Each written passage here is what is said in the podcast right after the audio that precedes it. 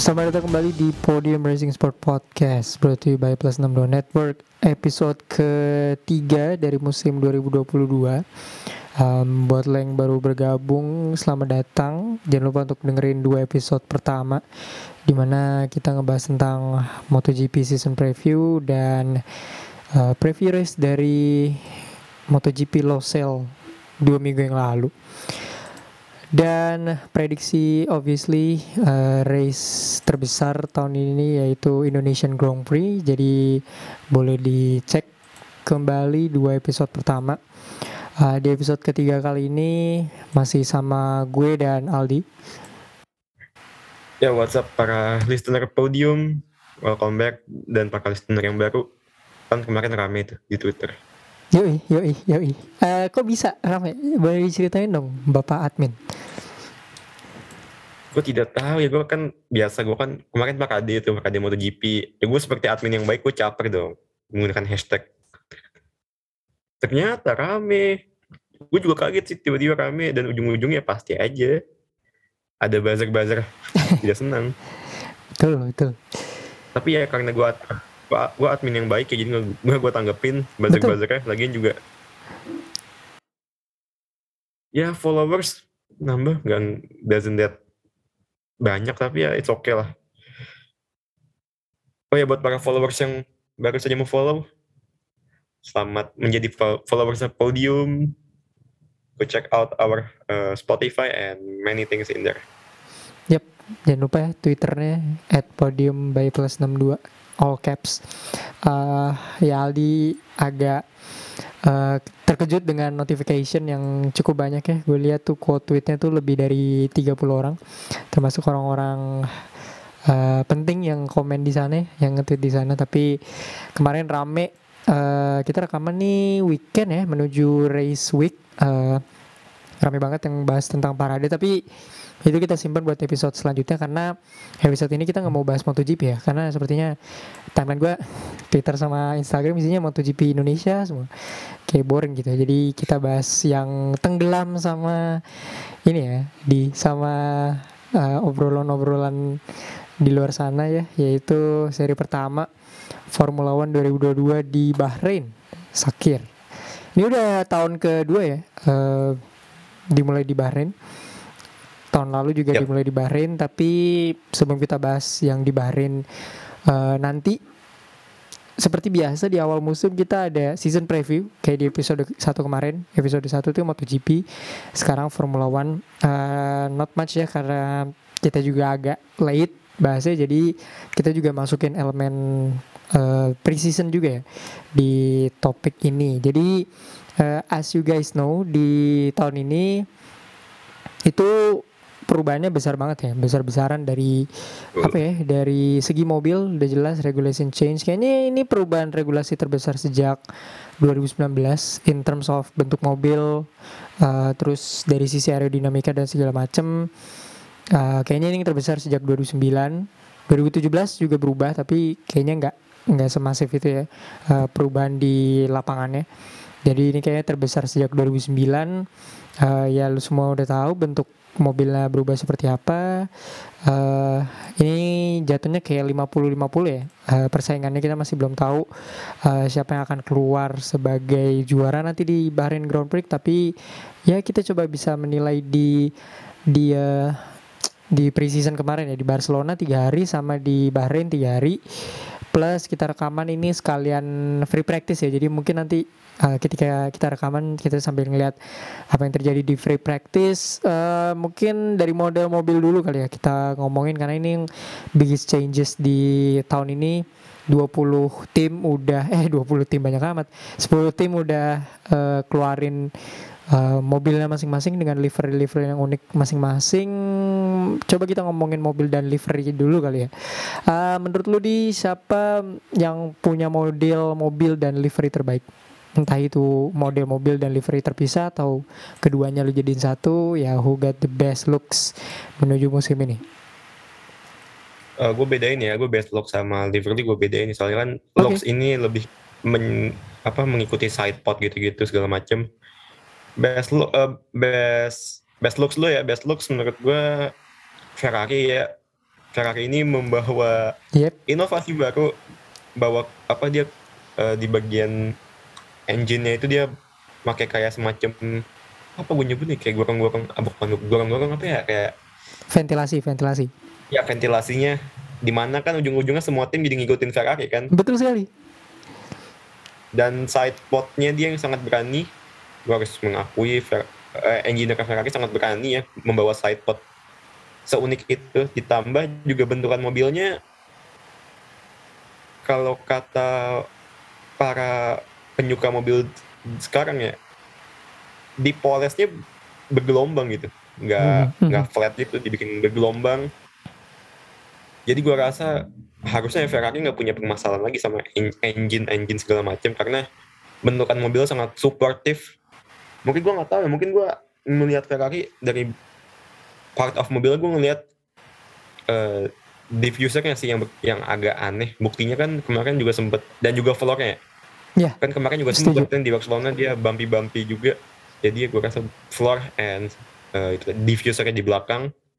Overall gue suka sih sama bentukan mobilnya Ferrari. Bener-bener sesuai regulasi. Dia bener-bener tahu cara memanfaatkan regulasinya dan ya ujung-ujungnya kan orang jadi pada mengkiblatkan Ferrari sekarang musim ini. Walaupun gue nggak tahu ya apakah Ferrari akan mendeliver musim ini. Sudah jelas iyalah kemenangan di depan mata ya. Eh setahu gue Ferrari tuh belum ada yang leading preseason kemarin tapi selalu konsisten ada di top 5 ya. Entah itu Charles atau Carlos atau bahkan keduanya. Ini kita rekaman pas free practice pertama udah turun ya. Dan hasilnya Charles Leclerc di posisi kedua dan Carlos Sainz posisi ketiga atau sebaliknya ya. Eh, korek koreksi gue kalau salah. Tapi yang pasti mereka di top 3 Yap. sejauh ini gue juga setuju. Bentuk Bagus. mobilnya sangat-sangat bagus ya. Ya Ferrari ini kayak Ducati di MotoGP lah. Eh, segala macam terobosannya itu agak dicontek-contek gitu ya sama tim-tim lain. Eh, yang ngikutin tuh setelah ini tuh eh, Aston Martin deh kalau nggak salah ya. Yang sempat ngikutin make ventilasi-ventilasi gitu. Terus eh, Red Bull termasuk Mercedes ya. Mereka juga ngikutin eh, untuk bikin fan di side pod mereka gitu. Tapi gua nggak tahu ya. Model mobilnya Mercedes tuh oke juga ya menurut gue apalagi yang paket yang mereka bawa yang terbaru nih yang di Bahrain mereka nggak pakai side pod sama sekali menurut gue itu agak agak lucu dan agak curang dalam satu kalimat yang sama jadi em, sepertinya bisa jadi eranya Mercedes lagi karena mereka agak apa ya agak radikal eh, perubahannya dan em, Walaupun hasilnya sejauh ini belum oke, maksudnya mereka nggak ada yang leading di preseason sama free practice sejauh ini. Eh, tertinggi tuh top 3 Hamilton waktu itu di di Bahrain tes kedua atau tes ketiga kalau nggak salah. George Russell belum deliver sama sekali. Jadi sepertinya, tapi kalau menurut gua bentuk mobil sih Mercedes ya sejauh ini. Seharusnya gua nggak boleh bilang kayak gini ya untuk fans Ferrari, tapi eh, bentuk mobilnya nggak cantik sih, cuman agak berbeda dari yang lain aja and it's good. Biasanya kan kalau di Formula One tuh kalau ada ini ya kalau ada for atau terobosan baru tuh suka dicap ini dulu ilegal dulu. Ya tapi kayaknya gue nggak ngelihat eh, inovasi side pod nge- inovasi eh, penghilangan side pod di Mercedes akan berhasil sih karena kan mobilnya pas mobilnya kan pasti akan jadi eh, apa ya undrivable lah. Dan juga kan kemarin terbukti di testing. Tapi gua rasa kemarin itu ya di testing itu ketika tidak ada side pod itu menurut gue juga menjadi simulasi bagi Mercedes ketika nanti mungkin di pertengahan musim mereka mentok. Hmm, hmm, betul betul. Ya ya namanya juga namanya juga testing ya. Orang bisa melakukan everything they want in testing entah itu kesalahan atau apa segala macem. Tapi Mercedes nih gue karena ngomong Mercedes ya gue juga eh, nge-highlight satu parts yang menurut gue penting yaitu letterboxnya Mercedes kalau dibandingin sama eh, compatriot mereka McLaren eh, letterboxnya Mercedes lebih bukan lebih sih mungil. Ya. gue nggak tahu kenapa mungkin memang konsep Mercedes musim ini mungil ya iya dibandingkan kayak mobil kecil Ferrari. banget ya. Mobil-mobilnya Iya. tuh kayak gede banget gitu. Gue malah merasa kayak mobil 2014 bawah. Padahal mobil-mobil lain lebar banget, mereka tuh malah runcing gitu. iya betul. Gue nggak tahu ya apa apa yang dipikirkan oleh oleh para, para, para engineer sana. Karena kalau ngeliat eh, teman-temannya Mercedes deh kayak Aston Martin sama McLaren kan mobilnya sangat eh, bulky ya sangat gede ya ini kalau Mercedes lebih ramping mungkin ini juga ini yang mendukung statementnya Hamilton ya Hamilton kan juga sempat bilang kalau dia mau jadi pembalap yang lebih agresif musim ini jadi mungkin dengan mobil yang lebih ramping mempermudah dia mungkin Hmm, kita lihat ya. Ah, ini berarti dia ngasih sinyal kalau dia ready untuk round 2 ya sama Verstappen tahun ini. Tapi ini jadi hit or miss sih. Kayak apakah kalau berhasil akan berhasil banget, Ya. kalau gagal akan gagal banget bisa jadi. Tapi gagalnya Mercedes kan paling ya around jadi apa ya? Jadi tim papan tengah di atas lah, kayak posisi 5 atau 6 gitu. Mungkin kalau gagal sampai situ dan kalau berhasil mereka bisa berhasil banget. Tapi ngeliat dari free practice kita rekaman sekarang sih sejauh ini belum ya. Dan orang-orang bilang eh mobil Mercedes ini kayak tadi lu bilang undrivable, masuk ke tikungan itu kayaknya orang-orang di pinggir track gitu ya. Eh, analis-analis bilang kalau sepertinya Mercedes ini belum sempurna banget. Walaupun kita tahu ya, sebelum musim tuh kayaknya Yep. pembalapnya tuh selalu ngomong sepertinya kita tidak bisa compete gitu ya. Eh, Red Bull lebih cepat dibandingkan kami, em, Ferrari lebih cepat gitu ya. Nggak taunya musim ininya mereka menang 10 kali kan We don't know. So dari mobil model mobil Aldi going on with Ferrari, gue Mercedes eh, livery mungkin. Eh, maksudnya kalau livery kayaknya mudah, gue akan bilang Aston Martin. Kalau dari lu? Wah, akan bilang menurut gue livery musim ini nggak ada yang spesial spesial banget tapi gue suka livery ini 18 8003 sih Alpha Tauri 03 Oh ya, setuju setuju. Walaupun, Walaupun kalau scene-nya sama ya. kebalikan ya Iya. Iya eh by the way Alpha Tauri ini yang menurut gue mau bilang ini eh, paling sulit dianalisis menurut gue Kenapa? karena ya kalau gue ngelihat dari mobil ya mulai dari namanya cooling exitnya uh, Heeh. push route-nya dia center line coolingnya dia side pod ini kalau boleh gue bilang kayak alat alat coba-cobanya Red Bull karena ada beberapa pengembangan yang ujung-ujungnya dibawa ke tim pabrikan Yep. ya yang, yang walaupun gue tahu sih memang Alpha Tauri kan always be like that tapi ini menurut gue ketara banget kelihatannya. Tapi gue suka sih Alpha Tauri kayak ngelihat gak cuma livernya yang bagus tapi mobilnya bener-bener agresif. Mencoba ya mobilnya a- always try something new lah kayaknya para engineer dia Honda Alpha Tauri eh bukan Honda lagi sekarang ya di Alpha Mas- Tauri masih masih masih Honda sebenarnya power unitnya, cuman eh, namanya aja sih bukan Honda gitu. Kayak Alfa Romeo aja lah, namanya Alfa Iya. Romeo tapi mesinnya Ferrari. But eh, menurut gue kalau ngomongin Ferrari ya, eh gue minta maaf ya. Ferrari tuh liverynya dua terburuk sih. Di menurut gue ya, karena I'm not really feeling it kalau make perpaduan merah sama hitam ya. Merahnya juga merah gelap gitu. Jadi kesannya kayak gelap banget. Tapi biasanya kan mobil juara dunia kan liverynya jelek ya. Jadi eh ya, kita lihat. Yang paling jelek sih menurut gue Alpine ya. Kayak Racing Point 2022 gitu. Eh karena dia sponsornya BWT kan. Emang harus pakai pink gitu. Dan pink sama biru menurut gue bukan kombinasi yang bukan kombinasi yang oke.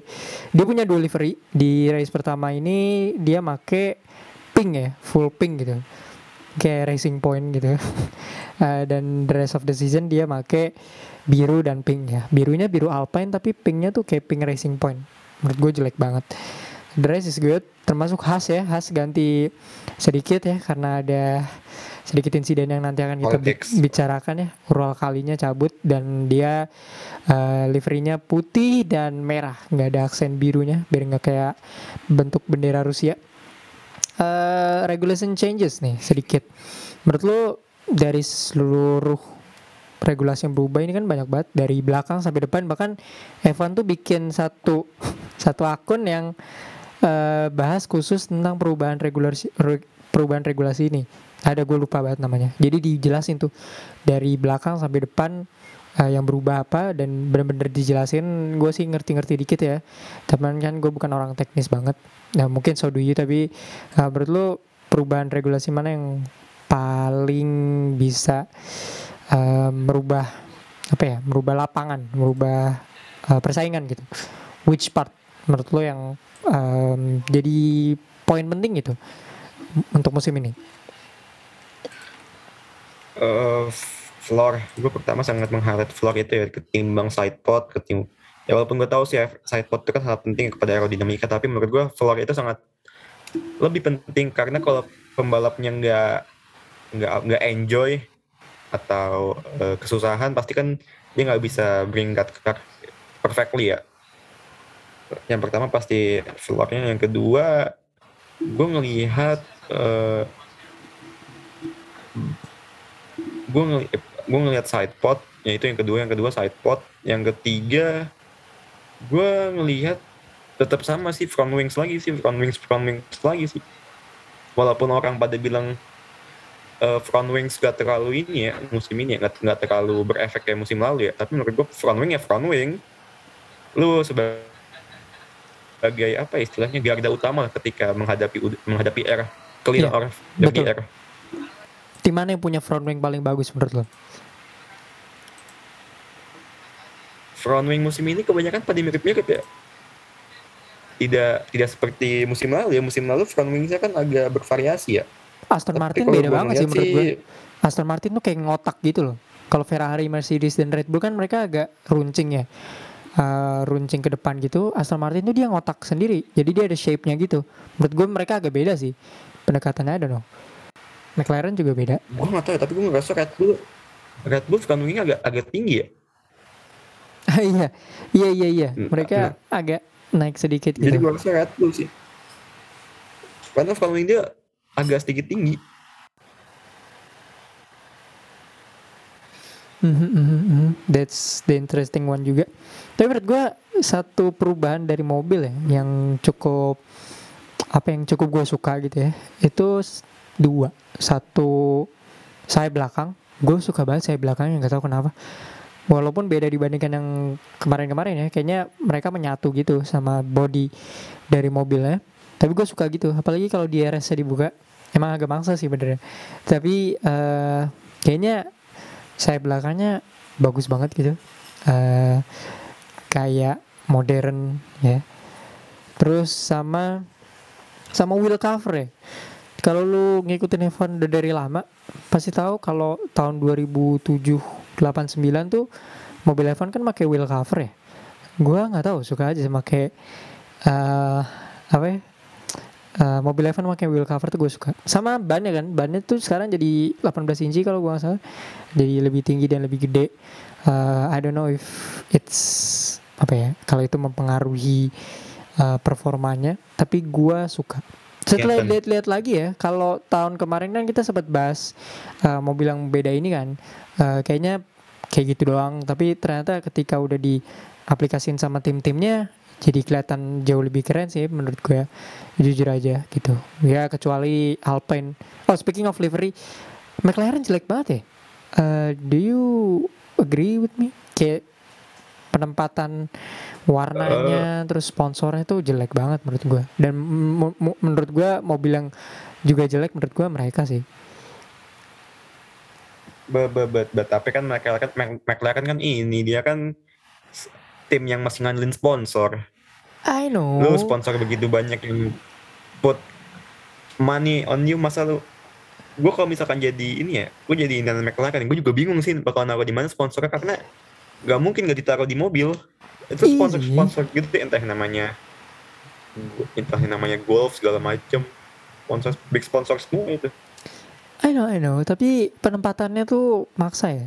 Uh, warnanya sih warnanya. Kalau penempatan kan sebenarnya relatif ya warnanya tuh maksa gitu orange biru biru muda sama hitam gitu karena enggak, orange itu sih eh, karena masuk, dia karena dia orange yang warna dasarnya iya. mungkin kalau dia warna dasar putih hitam cantik pasti. Ya, Tapi kalau orange agak susah nyari uh, ini ya. Masa lu mau orange hitam kayak ini, kayak McLaren Honda? Kan nggak mungkin. Iya sih, tapi that that's good mungkin biru mudanya yang menurut gue uh, agak itu tapi entahlah. McLaren tuh harus balik ke warna hitam sih menurut gue ya. Karena kan Mercedes sekarang udah warna silver ya jadi ngapain sih lama-lama pakai warna orange gitu ya. Um, mungkin itu soal regulation changes ada yang lo mau obrolin soal uh, yang lain? Mungkin model-mobil regulation changes sebelum kita masuk ke drivers. Langsung aja drive line up ya? Ba- banyak yang Oke. ganti kan? Um, ada ini. Jadi sebelum ngomongin driver lineup, jadi pembalap kesayangan kita semua ya. Ini kita Mazepin itu tidak bisa bertanding lagi di apa di Formula One karena situasi yang mungkin Aldi bisa jelasin nanti. Salah satunya karena dia pembalap Rusia gitu ya dan dia dicabut. Gue sih seneng ya, bukan seneng karena isunya karena emang tahun dari tahun kemarin kan dia banyak isu gitu ya. Jadi ya Oke, eh, tapi dia cabut dan diganti sama Kevin Magnussen. Menurut gue ini apa ya? Perubahannya agak eh, mengejutkan karena si Haas ya ini timnya. Haas itu digosipin sama Fittipaldi. Em, terus siapa lagi ya? Ya anyone yang dekat sama mereka Giovinazzi. Tapi pada akhirnya mereka ngambil lagi Kevin Magnussen. Mungkin will start dari Haas ya karena dramanya banyak banget eh, tahun ini mulai dari sponsornya, pembalapnya mereka cabut ngambil Kevin Magnussen lagi. Tiba-tiba Kevin Magnussen uh, leading testing kemarin di Bahrain hari kedua. So what do you think? Ini kita mulai dari tim terbawah ya? Aneh banget. So what do you think dari situasinya Mazepin kemarin dan Haas? Situasi Mazepin tuh gue bingung ya. Terutama kan Haas ini kan gue bingung menjelaskan Haas ini gimana. Karena pemiliknya pun Gini Haas pun juga buang tangan cuci tangan gue kasihan sama Gunter sih Gunter Steiner. Salah satu man of the matchnya Drive to Survive kemarin. Gue kasihan sama gue kasihan sama Gunter gue kasihan sama sponsor mic apa? One apa? One and one. One and one betul. Yang warna gue biru. kasihan sama Under gue kasihan sama semua orang di Haas sih karena Gini Haas udah kayak nggak peduli. Terus yang kedua gue bingung itu kenapa kan kita tahu ya Haas ini kan kekurangan sponsor ya. Beberapa kali ini kan kasarnya bener-bener ngekek ke keuangan mereka lah kasarnya. Bapak Mazepin itu. Tapi kok dia bisa gitu melepaskan kontraknya dengan Mazepin? Padahal kan iya padahal kan kita sama-sama tahu kalau mereka sangat-sangat butuh duit. Makanya gue gua gue gue sempet nge-tweet ngasal kalau gue nggak salah ya mengeluarkan emosi gue kok bisa? Apa kok kok kayak gue ngerasa ini siapa yang nge-backup gitu.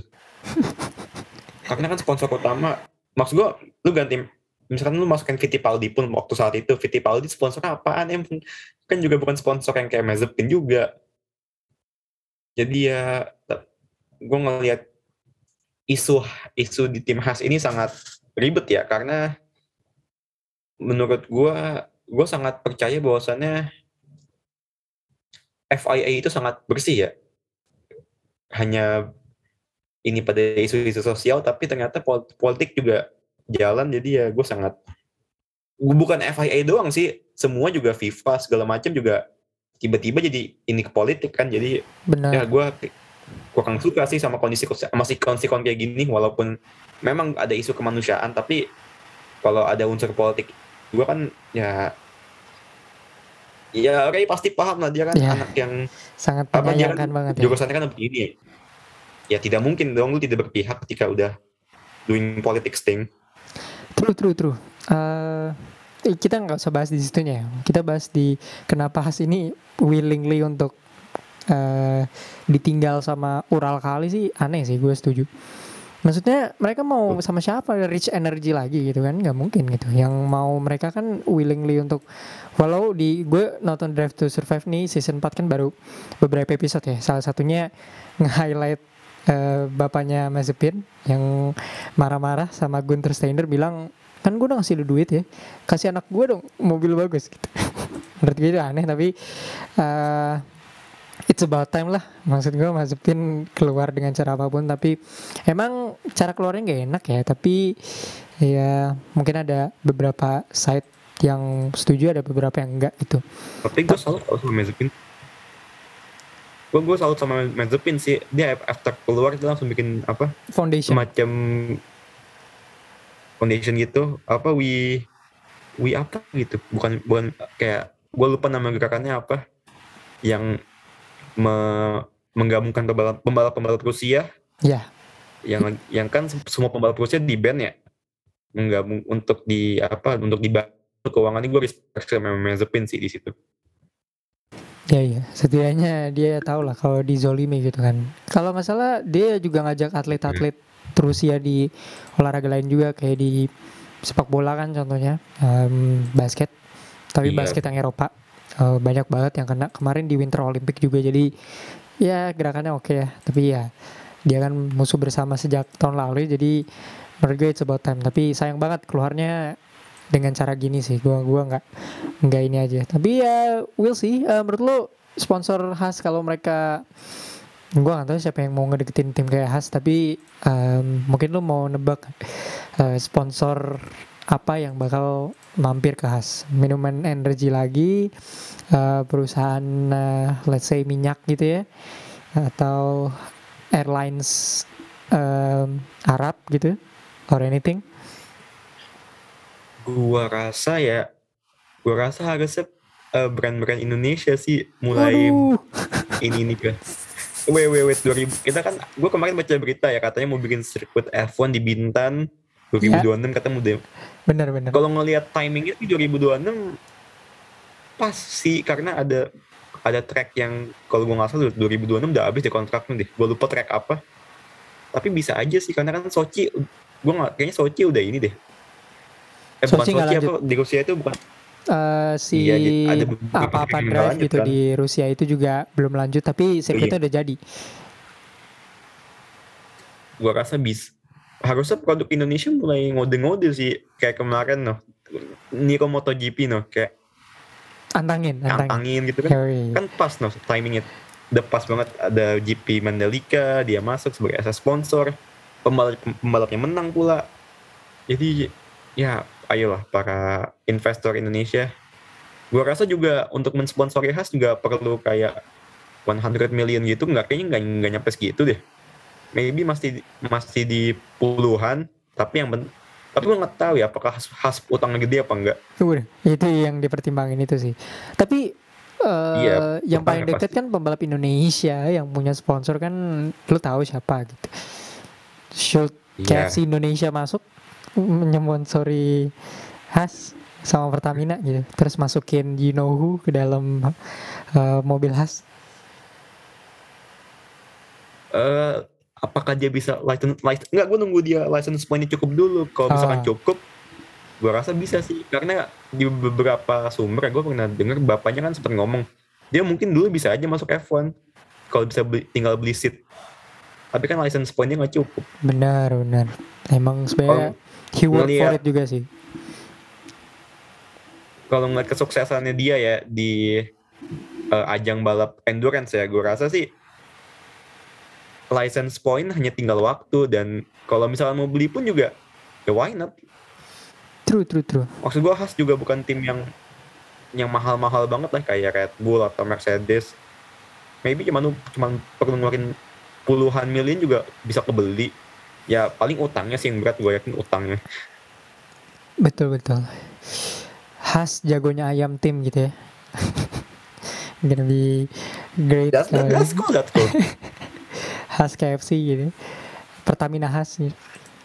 Tapi menurut gue kalau tim Amerika ya, harusnya sponsornya Amerika juga sih. Karena kan tahun ini Miami ya race di Miami. Eh, dan katanya 2026 sekalian World Cup mau dibikin lagi sirkuit di Amerika. Kalau gua nggak salah Long Beach mau ngebit lagi walaupun sirkuitnya kayak udah nggak layak main di F1 tapi harusnya sponsor Amerika masuk sih menurut gue untuk tim Amerika itu paling make sense. Uh, gue nggak tahu model sponsor apa yang di Amerika gitu ya. Eh, tapi seharusnya mereka masuk sih ke ke dalam ini ya ke dalam tim khas sih. Karena kan ownernya juga gue orang pengen Amerika. sponsor makanan sih. Aduh Subway. Sponsor makanan kayaknya looks fit deh. Ya. McDonald's apa aja lah. Ya, itu tadi kan gue bilang sih KFC harusnya KFC sponsor makanan. KFC Taco iya Bell Taco Bell KFC Sean Gelael banget.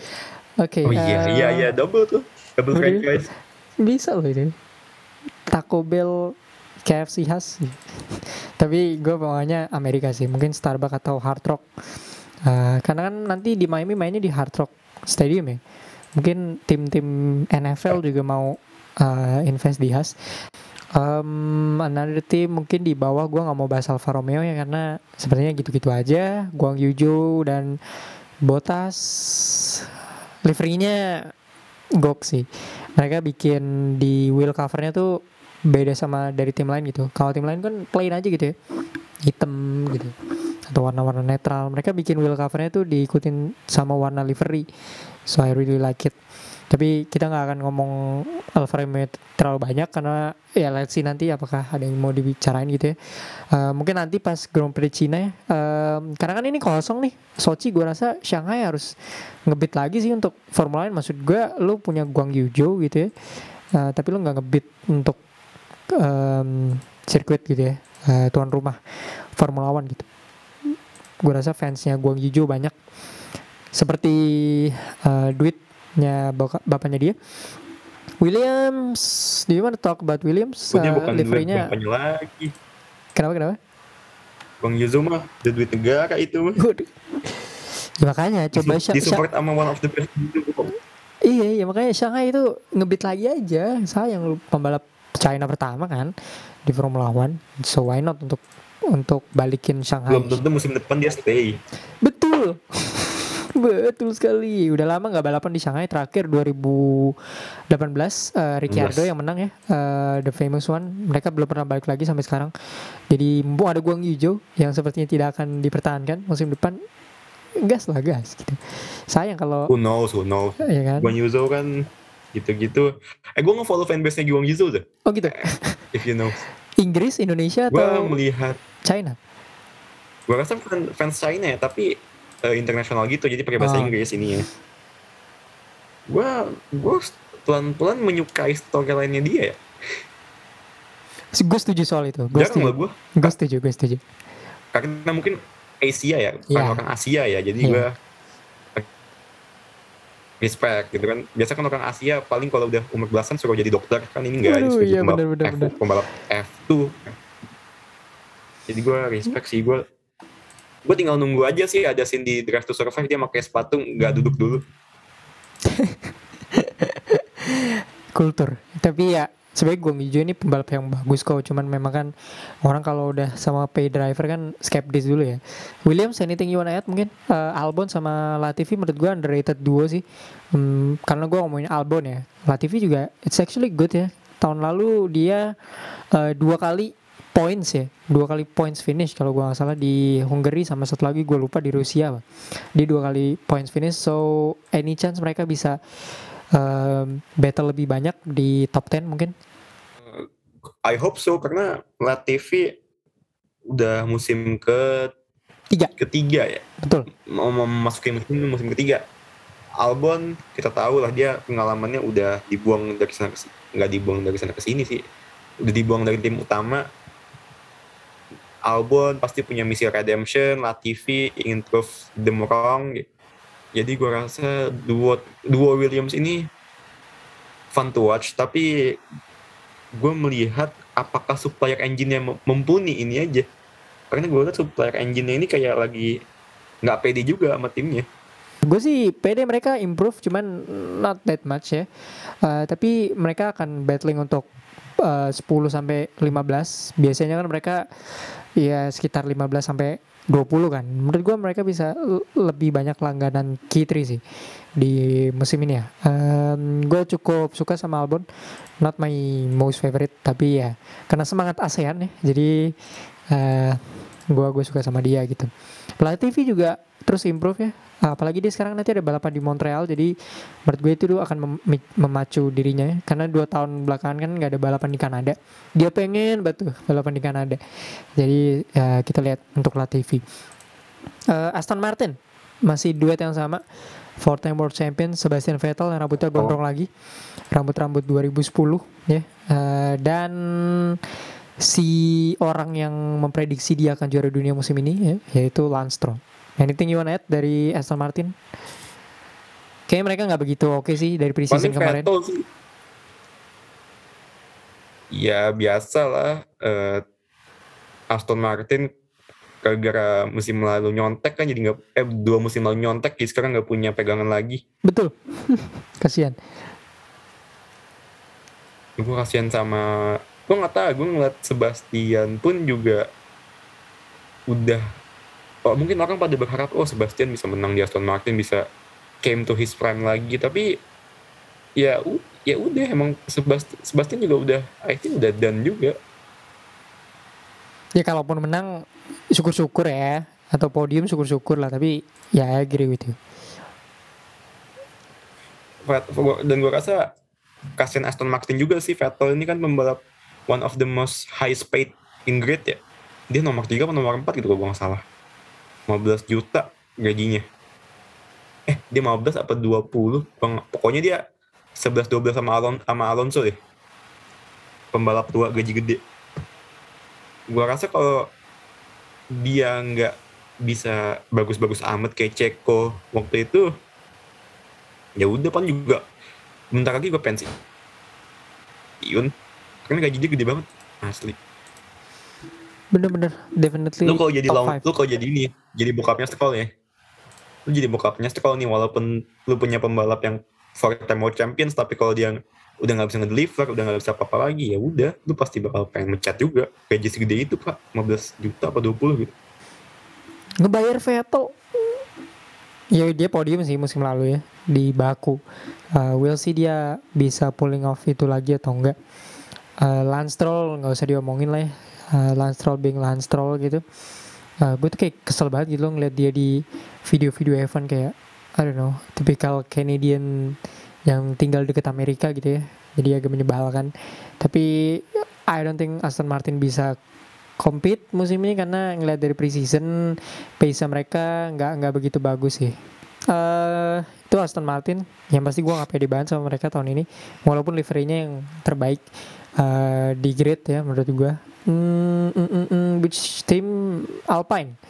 Hmm, kemarin mereka Alpine em, bisa menang. Via Ocon Alonso bisa podium juga di Losail Eh, hampir Ocon dua kali podium ya kemarin di di Jeddah ya. Dia Saudi Arabia tapi gagal di final lap.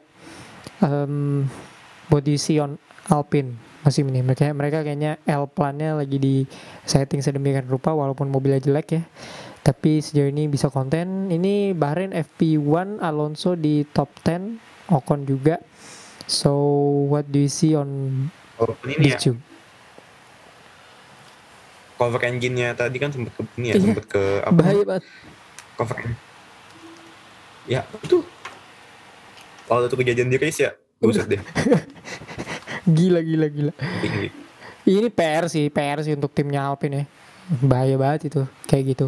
Sampai cover engine-nya kebuka dan ada part yang agak jatuh gitu loh. Itu agak menakutkan sih. tapi karena kebuka itu ya gue tahu dalamnya kopong Iya. 13 poin. Kehilangan fokus.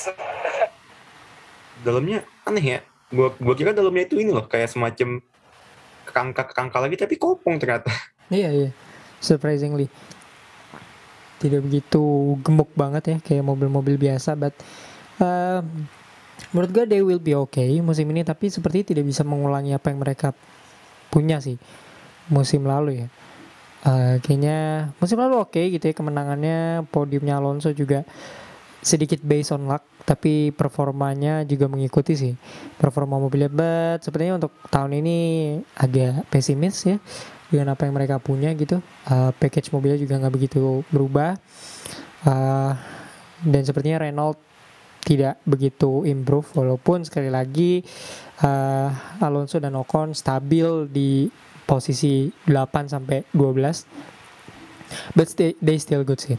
Any chance mereka bisa menang lagi musim ini menurut lu Aduh. Bisa, bisa, bisa. Bisa karena musim ini nggak ketebak siapa yang akan menang. Jadi gue rasa masih anybody's game. Except ya tim-tim papan bawah sih. Tapi gue rasa chance untuk win ada. Tapi gue berharap sih Alonso yang musim ini yang bisa menang Iya, ya, Quad iya. Ya. Iya iya, we kita semua berharap itulah. Ya pembalap-pembalap veteran tuh untuk bisa menang kayak Alonso sama Vettel gitu ya, Ricciardo gitu-gitu ya. Eh by the way musim ini musim ini kalau Alonso uh, finish his all race dia ini tau bakal ngalahin rekornya ini rekornya Raikkonen si Kimi Raikkonen Ya, mau yang most starts, iya. most Most starts ini- in ya. history ya. Uh, Raikkonen megang 328 kalau gue salah. Uh, jadi Alonso on pace untuk Ya, itu. jadi- Apalagi race-nya ada 22 musim ini. IG Kan Ya, seharusnya 23 uh, karena Sochi sejauh ini masih ditunda. Jadi ini race terbanyak. Gila Oh, lumayan ya. kata lu Sochi ganti mana menurut lo? Eh, Portimao sih. Eh easy sih. Aduh, Portimao sih udah pasti. gua sih melihat Atau Shanghai ada atau kemungkinan Shanghai balik sih. ASEAN. Gue ngeliat ada kemungkinan balik ke ASEAN ya. Sepang. Mandalika. I, maybe. Ah Mandalika bisa jadi. Bisa jadi gue gue gue tidak menutup kemungkinan buat Mandalika walaupun Sepang juga sempat ini. Tapi one thing yang gua- yang gue mungkin gak suka dari Sepang ya eh accessibility-nya. Ke sana. Hmm. Yap, yap. walaupun memang secara ini agak lebih murah ya karena gue sempat baca beberapa sumber balapan nonton balapan sana lebih murah daripada nonton balapan MotoGP sini Iya dong. Iya, iya, iya. Betul, betul, betul. Agree with that. So ya, yeah, let's move on ya dari Alpine ke ya ya, semuanya berharap Alonso bisa memecahkan rekor dan menang lagi. Ya minimal podium lah. Tapi agak-agak lebih sering gitu. Walaupun liverynya jelek, ya masih ada harapan mereka bisa tampil seperti Racing Point 2020 ya, dengan livery yang kayak gitu. Eh, ya sponsornya ada sama kan Yoi, BWT lah. Warna pink-pink juga kan, ada unsur biru-birunya. Yes. Bisa tuh kayak gitu tuh. Lan, eh, gue hampir bilang isinya Lance Stroll tuh. Eh, Esteban Ocon sama Fernando Alonso. Eh, Alfa Tauri. Tadi lu bilang ini livery terbaik, tim dengan livery terbaik. Surprisingly, Pierre Gasly di free practice pertama Bahrain ini posisi pertama. Jarak antara dia dan pembalap kedua itu 0,4 detik, which untuk ukuran Formula One itu lumayan lumayan gap yang oke lah untuk pembalap untuk tim eh, untuk tim apa ya untuk tim midfield. Yuki Tsunoda di top 10 posisi 9 ini based on free first practice classification. Tapi di preseason kemarin mereka nggak begitu spesial Eh, yes mereka konsisten di top 10 tapi ini gue cukup kaget Pierre Gasly bisa em, m- punya lap time sehebat ini. Em, any chance Pierre Gasly bisa menang lagi musim ini? Karena gue nggak tahu gue cukup percaya sama Alfa Tauri musim ini. Eh, apalagi musim lalu mereka oke banget ya. Kayak kita bilang di episode terakhir itu uh, uh, Pierre Gasly kita bahkan naruh dia hampir di top 5 um, drivers of the season. Dia bisa beberapa kali start dari posisi 4, 5, 6 masuk ke Q3 walaupun racecraftnya nggak begitu oke dia kadang finish agak di bawah-bawah dikit dari posisi startnya. So uh, seberapa optimis lu sama Pierre Gasly musim ini? Gue sih optimis banget. 9 to 10 sih. Iya gue ya, Pierre gue, gue rasa dia udah umur prime dia 26 musim ini kan. betul. Eh, udah nemu dia udah nemu gue rasa dia udah nemu how to find his space, udah konsisten dan eh, dia kalau gue nggak salah ya dia sempet di dilirik dilirik sama Mercedes sempat beberapa kali kan gue nggak salah. Beberapa source gitu ngomong katanya dia sempat dilirik sama Mercedes beberapa kali. Cuman ya who knows kan bisa terjadi. Tapi Alpha Tauri ya kita kan always, always ngomongnya about uh, Gasly Gasly always. Tapi gua rasa musim ini I don't know ini bakal jadi early jinx or tapi gua rasa redemption season Yuki Tsunoda sih Uh, uh, uh, uh, uh. We got one. We got one. Ini saya sudah tunggu-tunggu dari tadi sih sebenarnya. Tapi oke, lanjut agak lanjut. emang emang agak early tapi dengan mobil agak early tapi dengan mobil tipe tipe F2 kayak gini harusnya pembalap-pembalap yang musim lalu eh, dua musim lalu balapan di F2 lebih mudah beradaptasi terutama Yuki dengan mobil sebegitu powerful harusnya lu bisa beradaptasi dengan mudah sih ya gue rasa Yuki Tsunoda sih redemption season musim ini kalau dia nggak banyak-banyak ngamuk aja dan cursing-cursing ya. Walaupun Emosi- gue emosi ngeliat, gua ngeliat tuh di kamera kamera cockpit itu kayaknya mobilnya lebih lebar kan. Gue gak tahu apakah Yuki Tsunoda bisa melihat ke kiri dan kanan spion dengan baik gitu ya. Karena eh, kayak gede banget di di depan mobil menuju ke belakang ke depan tuh gede banget. Jadi gue cukup salut untuk pembalap yang tingginya di bawah 175 seperti dia gitu ya. Eh, masih bisa eh, melakukan hal ini gitu. I agree, I agree. Mungkin tidak agree di musim redemptionnya Yuki Tsunoda tapi dia setidaknya bisa lebih baik lah dibanding musim kemarin gitu ya dia musim Eh, lalu musim lalu dia rookie. P4 loh. Last race. iya final race dia P4 jadi uh, dia Musim bisa dia P4. carrying that momentum sih apalagi di balapan di track record dia balapan di apa Timur Tengah selalu bagus dia di Jeddah juga bagus Ah, iya. walaupun not Oh, iya. really good kemarin dia balapan pertama kan poin kan musim lalu di Bahrain juga jadi menurut gua dia track Iya. recordnya bagus banget di Oke. Timur Tengah tapi I'm gonna say Pierre Gasly man Pierre Gasly itu Alonso uh, Pierre Gasly itu super dangerous Oh iya kalau Pierre, musim ini menurut gua Uh, not di iya Pierre pasti. not di podium eh, apa ya bukan penantang podium sih tapi menurut gua dia bisa di sana untuk ngelawan McLaren, Ferrari, you know, Red Bulls bahkan gue bisa bilang dia bisa menang menang ini ya Tapi- menang Grand Prix Tapi menurut ini eh gue nambahin dikit ya. Tahun depan kan kontraknya habis 2023. Yep. Gue rasa sih 2024 ya harusnya dia udah mulai pindah ke tim kuat sih. harusnya setuju gua Kasian men harusnya dia pindah ke tim kuat sih. Either McLaren nggak mungkin, udah pasti dia udah calling calling Pato Awards. Lando udah udah safe. Mercedes sih yang mungkin buat Gasly. Ketimbang Red Bull, gue lebih prefer Mercedes sih buat dia. Kalau masih kuat ya, kalau masih kuat Mercedes ini. Tapi menurut gue dia akan eventually Karena pindah ke Alpine sih karena kan dia Prancis Oh, Eh, Nah, dia nah, nah. eventually akan pindah ke situ sih menurut gue tapi akan lebih baik kalau di tim yang lebih baik sih kayak McLaren atau Mercedes kan yang paling kayaknya make sense. Pato Pato Award sih, udah udah berat banget tuh Pato Award. Alpine sih kalau kata gue Piastri ya. Well we don't know. We don't know. Mungkin mereka bisa masukin Piastri jadi Pierre Gasly harus eh, ini situasinya dia kayak Paul Espargaro di MotoGP sih. Harusnya menghabis-habisan supaya dapat kursi untuk tim yang lebih baik sih atau Jack Miller di MotoGP gitu. Eh, super confidence tentang Gasly di musim ini ya. Kalau Alfa Tauri nggak Oh, iya, banyak juga. meleduk eh, mobilnya nggak banyak technical issue sih dia harusnya bisa finish di at least at least P8 di championship sih. Dia agak-agak slow di second half of the season kemarin. Jadi dia harus lebih eh, punya keberuntungan lebih sih Pierre Gasly ini. Eh, itu Alfa Tauri McLaren. Kemarin botol di musim babak kedua musim mereka harusnya bisa dengan mudah finish di posisi ketiga konstruktor tapi eh, carry on ke babak kedua musimnya nggak begitu bagus. Eh, bahkan perolehan poin mereka tuh di babak kedua musim untuk keseluruhan tim ya nomor 8 bro dari 10 so it's bad eh, tandanya. Mobil yang mereka juga not showing a good sign sejauh ini ya.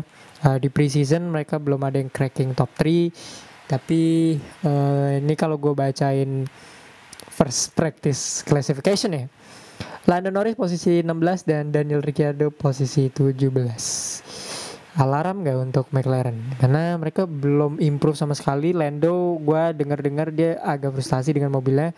Ricciardo belum ada senyum sama sekali. Uh, so apakah kita melihat McLaren yang era-era GP2 engine? Masih inget gak early of the season Seidel sempat ngomong bakal ada dua tim yang salah menafsir menafsirkan regulasi musim ini. ini fans McLaren ini udah harap-harap cemas sih McLaren cenderung main aman ya dengan regulasi ya. Tidak begitu agresif, tidak seperti tim-tim kayak Ferrari.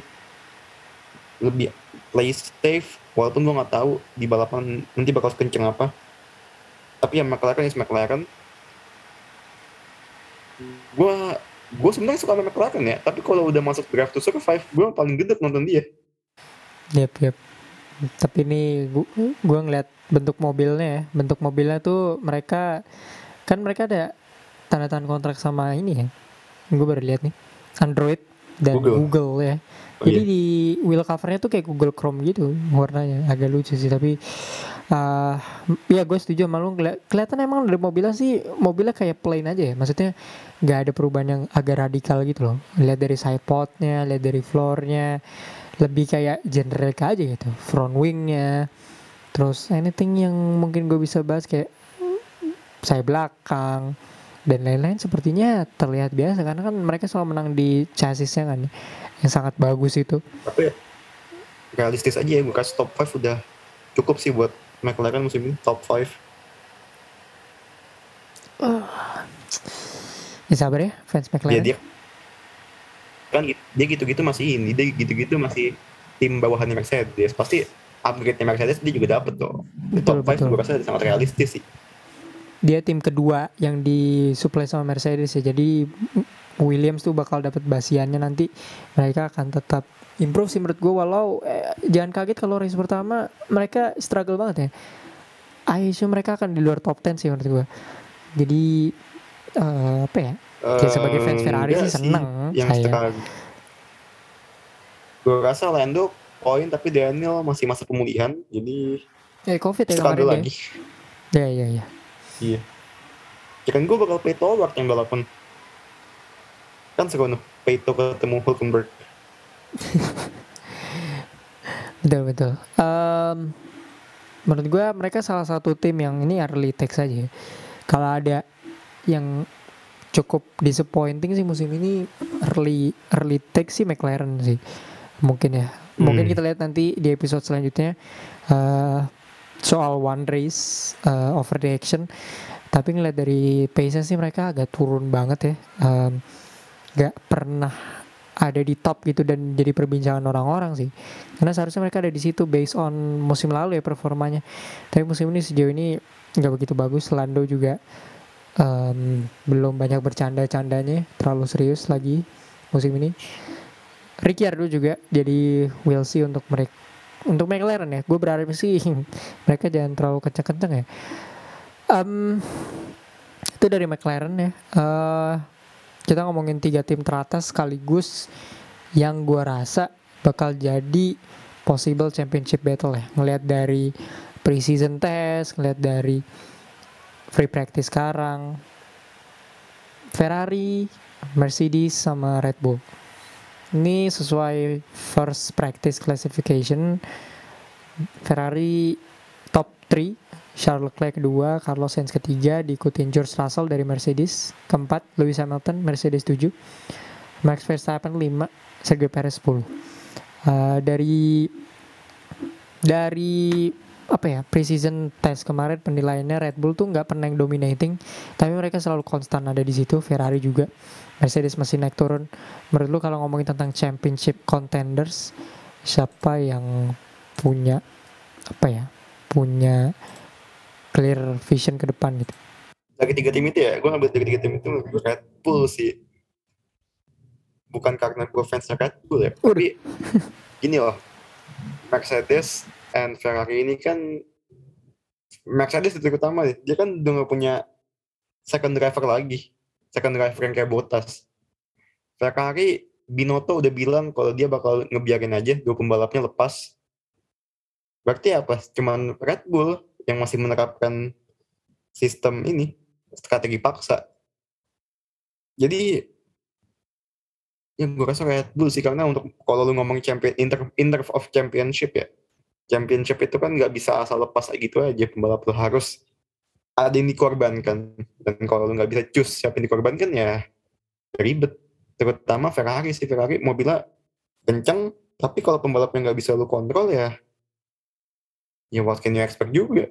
Nggak bakal sukses-sukses kayak ujung-ujungnya malah kayak ini. Massa and Alonso. Exactly, exactly. So you- lo masuk dengan uh, Red Bull ya? Untuk so tapi Iya. menurut gue Max sama Sergio itu emang jarak persaingannya masih jauh sih karena Max kan baru tanda tangan kontrak yang lumayan panjang ya empat setengah tahun kalau gue salah 2028 baru. Gaji dia gaji paling gede sekarang? Ah, ah, highest paid of all time malah setahu gue. Of all time dia lima sampai 2028 ya atau 2026 2002 pokoknya 4 4 tahun lah kontraknya. By the way gajinya itu per tahun apa? Ini sampai lima lima dibagi lima tahun gitu? Gue bingung deh? Eh, setahu gue itu per tahun sih jadi 55 55 55 gitu. Kayak kayak misalnya di Uh, NBA gitu ya. Itu kan totalan ya kayak Stephen ya 4 per berapa gitu kan. Tuh jadi gede banget emang. Ya namanya juara dunia bos. Ya kan? Nomor satu pula. Verstappen makin nomor satu akhirnya. Pertama kali sejak pembalap Red Bull yang makin nomor satu di Formula One. So berarti menurut lu chance back to backnya Max gede dong persaingannya menurut lu Max akan dapat banget persaingan yang lebih parah musim ini dibanding musim lalu atau kayak eh, bakal kayak piece of cake gitu. Gua pengennya musim ini Verstappen ini ya. Musim lalu ya walaupun musim lalu di akhir musim agak dibantai sama Mercedes ya, tapi gue pengen musim ini apa ya Verstappen dapat perlawanan kayak ini, kayak kayak Hamilton Rosberg yang benar-benar sampai di dalam locker room lempar-lemparan topi. Kan kalau kemarin enggak, mereka kan senyum-senyum. Walaupun tabrakan tetap senyum. Enggak enggak ada kelihatan kesel. Jadi gue pengen apa ya musim ini lebih barbar lagi sih ya gak apa-apa musim ini capek lu capek ngikutin, ngikutin F1 tapi kan seenggaknya rasa hausnya terpenuhi gitu lu udah dua, dua musim 2019-2020 nggak dapet persaingan ketat sekalinya disungguhin persaingan ketat kan pasti lu ini ya jadi tergoda ingin lagi dan ingin lagi. Jadi gue berharap itu sih dari Verstappen dapet apa ya dapat kompetitor yang ini yang eh nyerangnya nggak cuma di sirkuit tapi juga di apa ya secara mungkin di media di segala macem. Kalau Lewis kan Lewis itu kan lebih yang kalem ya. Tapi kan yang ribut fansnya. Iya, selalu. Cuman Lewis agak bawel sih ya akhir-akhir ini. Eh, udah dia sejak hiatus lama itu pas muncul banyak ngomong di media juga. Dia bilang, "Ak- saya akan lebih agresif lagi musim ini. Kita lihat agresif apa ya, apakah akan tabrak-tabrakan lagi apa enggak. Tapi gue berharap sih Max bakal dapat bakal dapat perlawanan dari empat driver sih. Gue nggak bilang Sergio Perez itu akan fluke ya musim ini, tapi ngelihat dari mereka udah tanda tangan kontrak Verstappen panjang sih nggak mungkin Perez dijadiin lawannya Verstappen sih. Jadi ini satu lawan empat nanti atau dua lawan empat. Ferrari gue yakin nggak nggak ada second sama first mereka udah bilang. Mercedes juga bilang George Russell boleh bersaing jadi two versus four menurut lo Eh, Red Bull versus Ferrari Iya, Mercedes handicap match It's gonna be handicap match ya. Betul, betul. Gonna tapi who knows kan tiba-tiba Pierre Gasly Iya, snak, snakin gitu ya, masuk-masuk dikit gitu kan. I'm not so sure sih, tapi let's see. Eh, ini free practice kedua lagi mau dimulai, jadi kita nggak tahu nanti apa yang terjadi. Um, tapi we'll see. Eh, gue sih berharap dia dapat perlawanan keras banget dari Ferrari ya, karena Lewis kan udah umur 35 ya, 36. Max itu harus dapat lawan yang gue pengennya ini sih setara sih sama umurnya. George, Carlos, Charles Charles itu bakal gila sih. eh Charles itu gue kangen liat Charles fighting with Max Iya, kalau Silverstone inget 2019 kan awal-awal itu kacau banget. yoi Dan itu wheel to Walaupun nggak kayak Lewis, juga ya. iya nggak kayak Lewis sama Max ya. Tapi menurut gua dia bisa tahu tuh sama Max sih. Iya. Harus dia, emang harus dia sih. Austria 2019 Iya, yang hampir ya Tapi kalau hampir sih. dipikir-pikir ya. Enggak, kalau dipikir-pikir lagi ya, kayaknya Charles ini kalau dia musim lalu balap di tim yang 11-12 sama Red Bull, kayaknya musim lalu I think he's gonna deliver more better deh dan Hamilton deh musim lalu kalau dia balap di Mercedes si Charles I don't know about that, tapi bisa aja karena dia Ferrari kemarin kan pole dua kali kan. Despite nggak menang gitu pada akhirnya. ya Paul, But he's very Paul empty Paul kan Empty pole, he's very good. tapi Paul kan Paul. eh dari Carlos Sainz versus Charles menurut lu bakal ada drama di belakang karena ini kan nggak ada first driver. Menurut gue ini pairing terkuat sejak sejak siapa ya?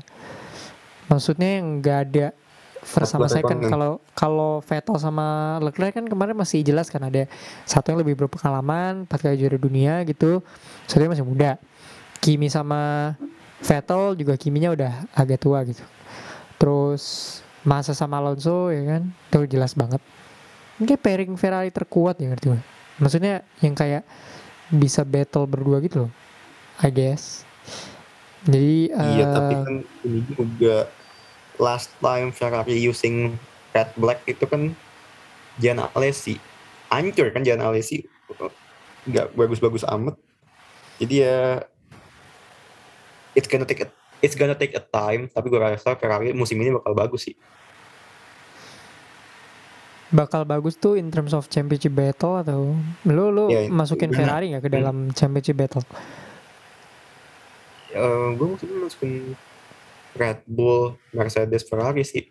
Oh, so Iya, Ferrari Ferrari. ketiga. Gua gua nggak yakin Mercedes musim ini kenceng. Oke, oke. walaupun gue yakin ini ya Toto Wolff bakal jadi tet- tetap jadi asshole ya tapi eh ya gue rasa Mercedes gak, nggak bakal konsisten kayak musim lalu deh ya mungkin Lewis musim ini bakal jadi musim ini kan musim tergilanya dia kan Mercedes nih gue juga agak eh, ragu ya tapi nilai dari performa hmm, kedua pembalapnya kayaknya mereka performanya bakal kayak Ferrari musim lalu. Maksudnya yang kayak mereka bisa battle for the win tapi tidak akan sesuperior pada biasanya gitu. Mereka akan Tapi melanggar podium. gue nggak mau ini gue nggak menutup mata gue dari dari Mercedes ya mereka punya best engineer in the world. Sure. Tim Betul. Jerman jadi gue apa ya kita tidak boleh men, meng, meng- begitu underestimate Mercedes sih. Ya. eight time straight. constructor champions. Eight Tidak straight bro. Emang kita nggak boleh sleep on him ya. Mungkin dari drivernya mungkin ya menurut gua karena Russell kan em, sepertinya dia butuh adjustment lagi untuk satu musim ini walaupun adjustmentnya ya lo ngendarin Mercedes gitu ya tapi still eh kalau everything according to plan sih menurut gua kita bisa lihat 3 sampai 4 way championship battle sih antara dua Ferrari, satu Red Oke. Bull Verstappen sama Mercedes either itu Lewis atau George. Menurut gua tetap Lewis akan di depan tapi George George ya kita tahu kan dia udah pernah bawa Mercedes sekali gitu. So dia udah tahu environmentnya. Dan dia di preseason sampai di free practice sekarang peringkatnya nggak pernah yang benar-benar anjlok. Ya. Jadi sepertinya dia oke. Em, top 3 teams sama top 3 championship mungkin prediksi juara dunia early banget ya nanti kita akan balik lagi di pertengahan musim Eh, kita benar-benar nggak tahu ini beda banget sama MotoGP. MotoGP itu masih predictable siapa yang akan keluar gitu walaupun persaingannya sama-sama sengit. Tapi top 3 teams championship sama driver championship musim ini menurut lo siapa? Eh, top driver championship Verstappen satu udah pasti.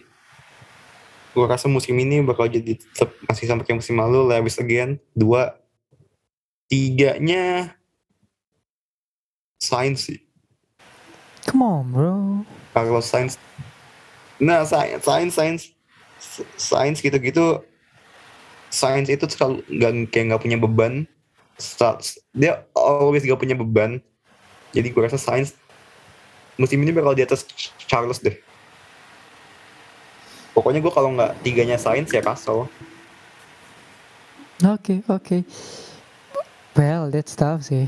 Uh, gue sih tetap optimis ya. 2022 full senyum gitu ya. Jadi it's our year. Yang ini udah Has. 15 tahun bro. Yang bukan khas dong. Di 15 tahun sejak Kimi Räikkönen menang di Interlagos belum pernah ada lagi juara berseragam merah ya. Jadi it's our year lah. Gue Charles satu, uh, dua Max, tiga Carlos untuk championship. Bisa switch Max 3, Carlos 2 kalau gue boleh bias ya. Tapi gue akan naruh Max 2 sama Carlos 3 sih. Tapi jarak mereka nggak bakal jauh ini bakal 3 3 sampai 4 3 to 4 way title sih sama Mercedes tadi kayak, kayak tadi gue bilang gitu. It's gonna be intense season. Ini bakal vibes-nya kayak 2011, 2012, 2010 gitu loh. Yang banyak pembalap battle for the championship. Jadi menurut gue itu. Eh, Charles Hope Leclerc so, ya. hope so. Tapi menurut gue kalau untuk championship sih Charles Leclerc udah lebih ready dibandingkan Carlos ya menurut gue karena kan dia udah pernah menang, udah ada di situasi yang agak lebih tinggi. Hmm, Tapi itu bisa aja ke shift kalau Carlos Sainz lebih konsisten delivering yang kita tahu kan dia racecraftnya lebih baik daripada Charles Leclerc gitu.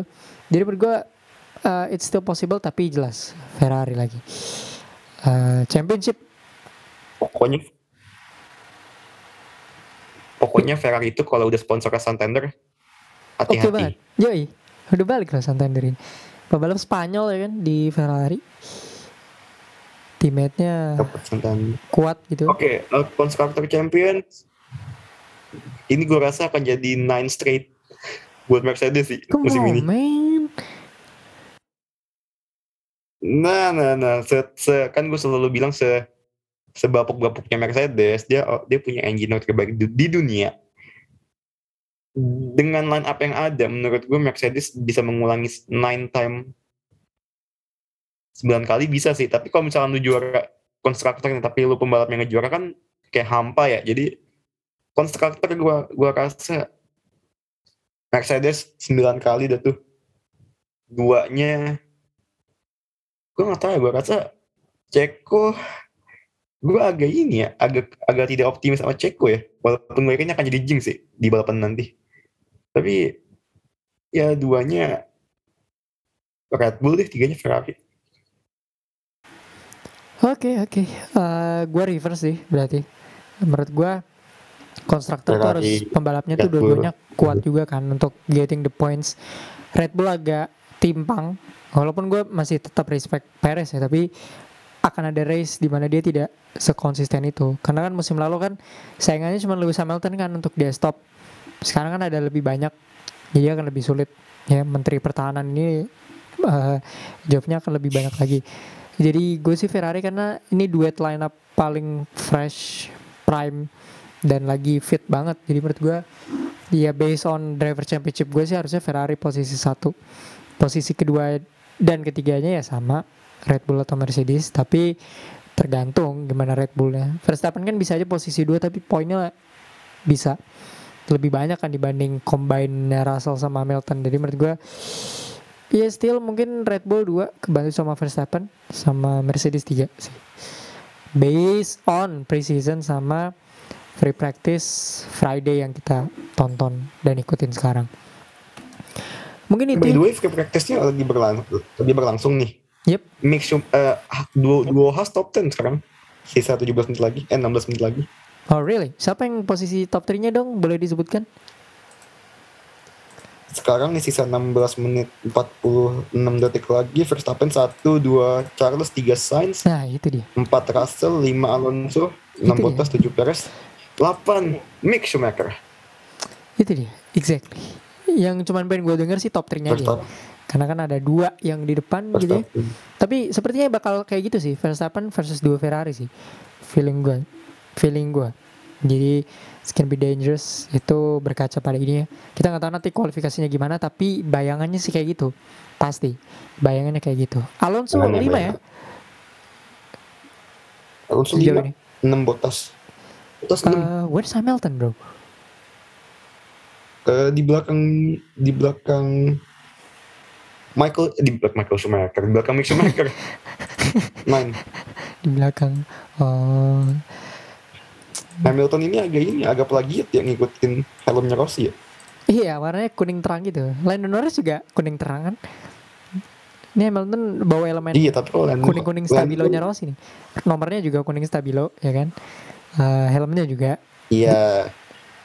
Iya, Gerazi Lewis musim ini. Tek- tek- Waduh. Pensiun maksudnya. Eh oh iya soal soal Em, soal Mercedes, soal Mercedes. Mereka kan suka sandbagging gitu ya. Menurut lo senjatanya Hmm. bakal ke kita kita bakal kayak ke kena lagi sama senjatanya mereka atau kayak benar-benar mereka tidak sekuat itu musim ini. Karena kan kayak udah mereka udah strategi kena, kayak gini kan 2017 ya. Kayak yang ah Iya. Red Bull ini sepertinya Ferrari gitu. tapi juara gitu kan. Bahkan musim lalu walaupun gagal Verstappen juara dunia, tapi kan masih Mercedes dominating lah in a way gitu.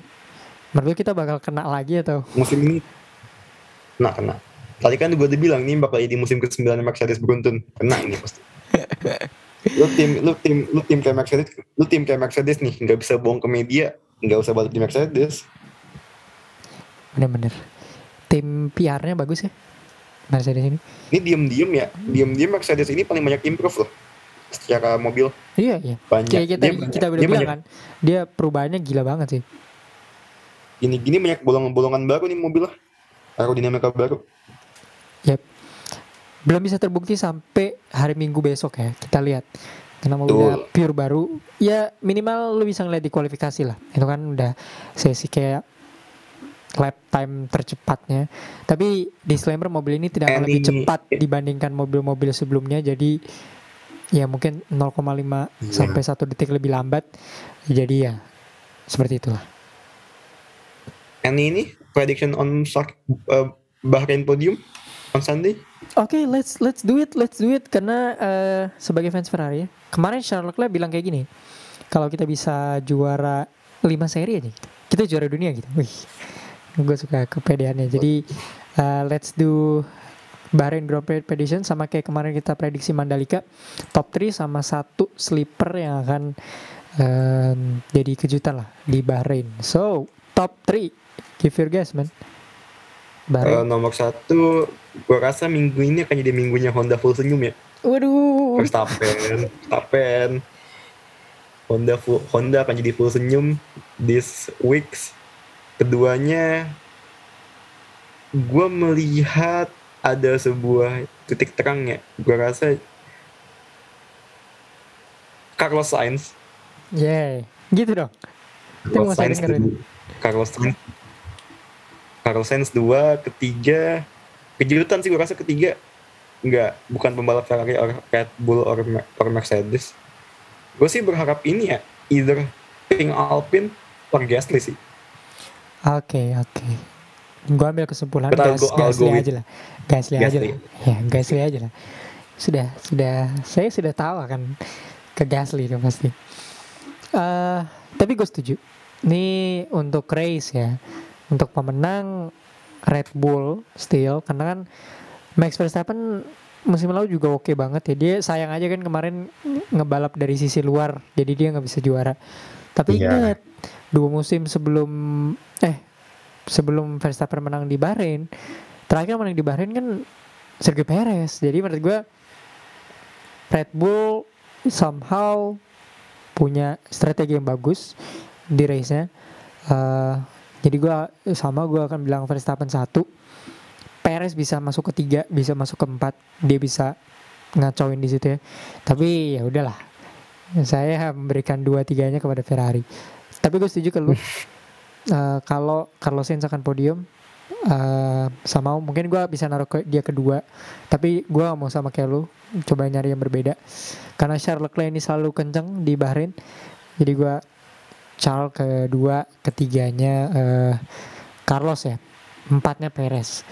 Sleepernya sih menurut gua Alonso ya, karena dia eh, selalu oke. Ini based on practice-nya dia oke banget gitu. Kemarin di preseasonnya juga dia konsisten di top 10 gitu ya. Jadi gue sleepernya Alonso sih. Nah dia bisa start di grid di row ketiga atau row kedua gitu. Is L L plan nih. Gue gue langsung aja gue kayaknya Ricciardo deh. Untuk apa? Abis tuh? sembuh, abis sembuh, abis sembuh. Sleeper, Sleeper. abis sembuh, Oke, oke. abis sembuh, abis sembuh. Ada Jadi kekuatan nggak bakal bisa AstraZeneca-nya. ya McLaren sih either ya Lando or Daniel Gua gua nggak nggak ada sih di pikiran gue McLaren kejutan sih nggak ada ya. Tapi bisa Enggak soalnya dipertimbangkan. McLaren musim lalu kan ini dia dapat fireworks musim lalu Oh iya. Oke. Ya oke. kan anda anda nggak boleh lupa karena kan kemarin dapat fireworks di Bahrain jadi ya Oke, we'll see about that ya. Jadi prediksinya Aldi adalah Max Verstappen 1, Carlos Sainz 2 dan Pierre Gasly 3. Sleepernya adalah Daniel Ricciardo. Gue milih Norris Lando Lando Lando ya Lando ya. Eh kok ganti? Gak boleh gitu dong. Ya. Oke, eh ya udah gua McLaren intinya deh McLaren sleeper ya. Gua Max Verstappen sama. Berarti kita in agreement kalau Verstappen memulai musim dengan Honda. full senyum gitu. ya. Kedua Charles Leclerc, ketiga. Carlos Sainz, gua sleepernya L plan Fernando Alonso. Ini L-nya pakai E ya depannya, nggak L doang. Kalau L L doang kan loser plan gitu ya.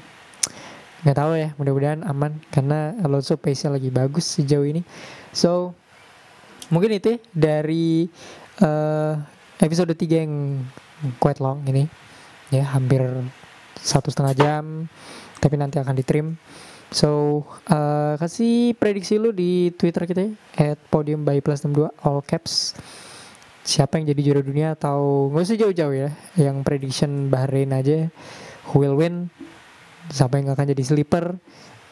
Lu setuju nggak sama Aldi kalau Mercedes akan 9 kali berturut-turut atau ini tahunnya Honda atau em, kejayaan kembali ke Italia anjay. Jadi make sure you follow us di Twitter dan di Instagram at plus 62 ID. Selamat menonton Formula One Bahrain, MotoGP Mandalika, El Clasico. Wih ini sibuk sekali nih 20 Maret. Terus ada apa lagi ya?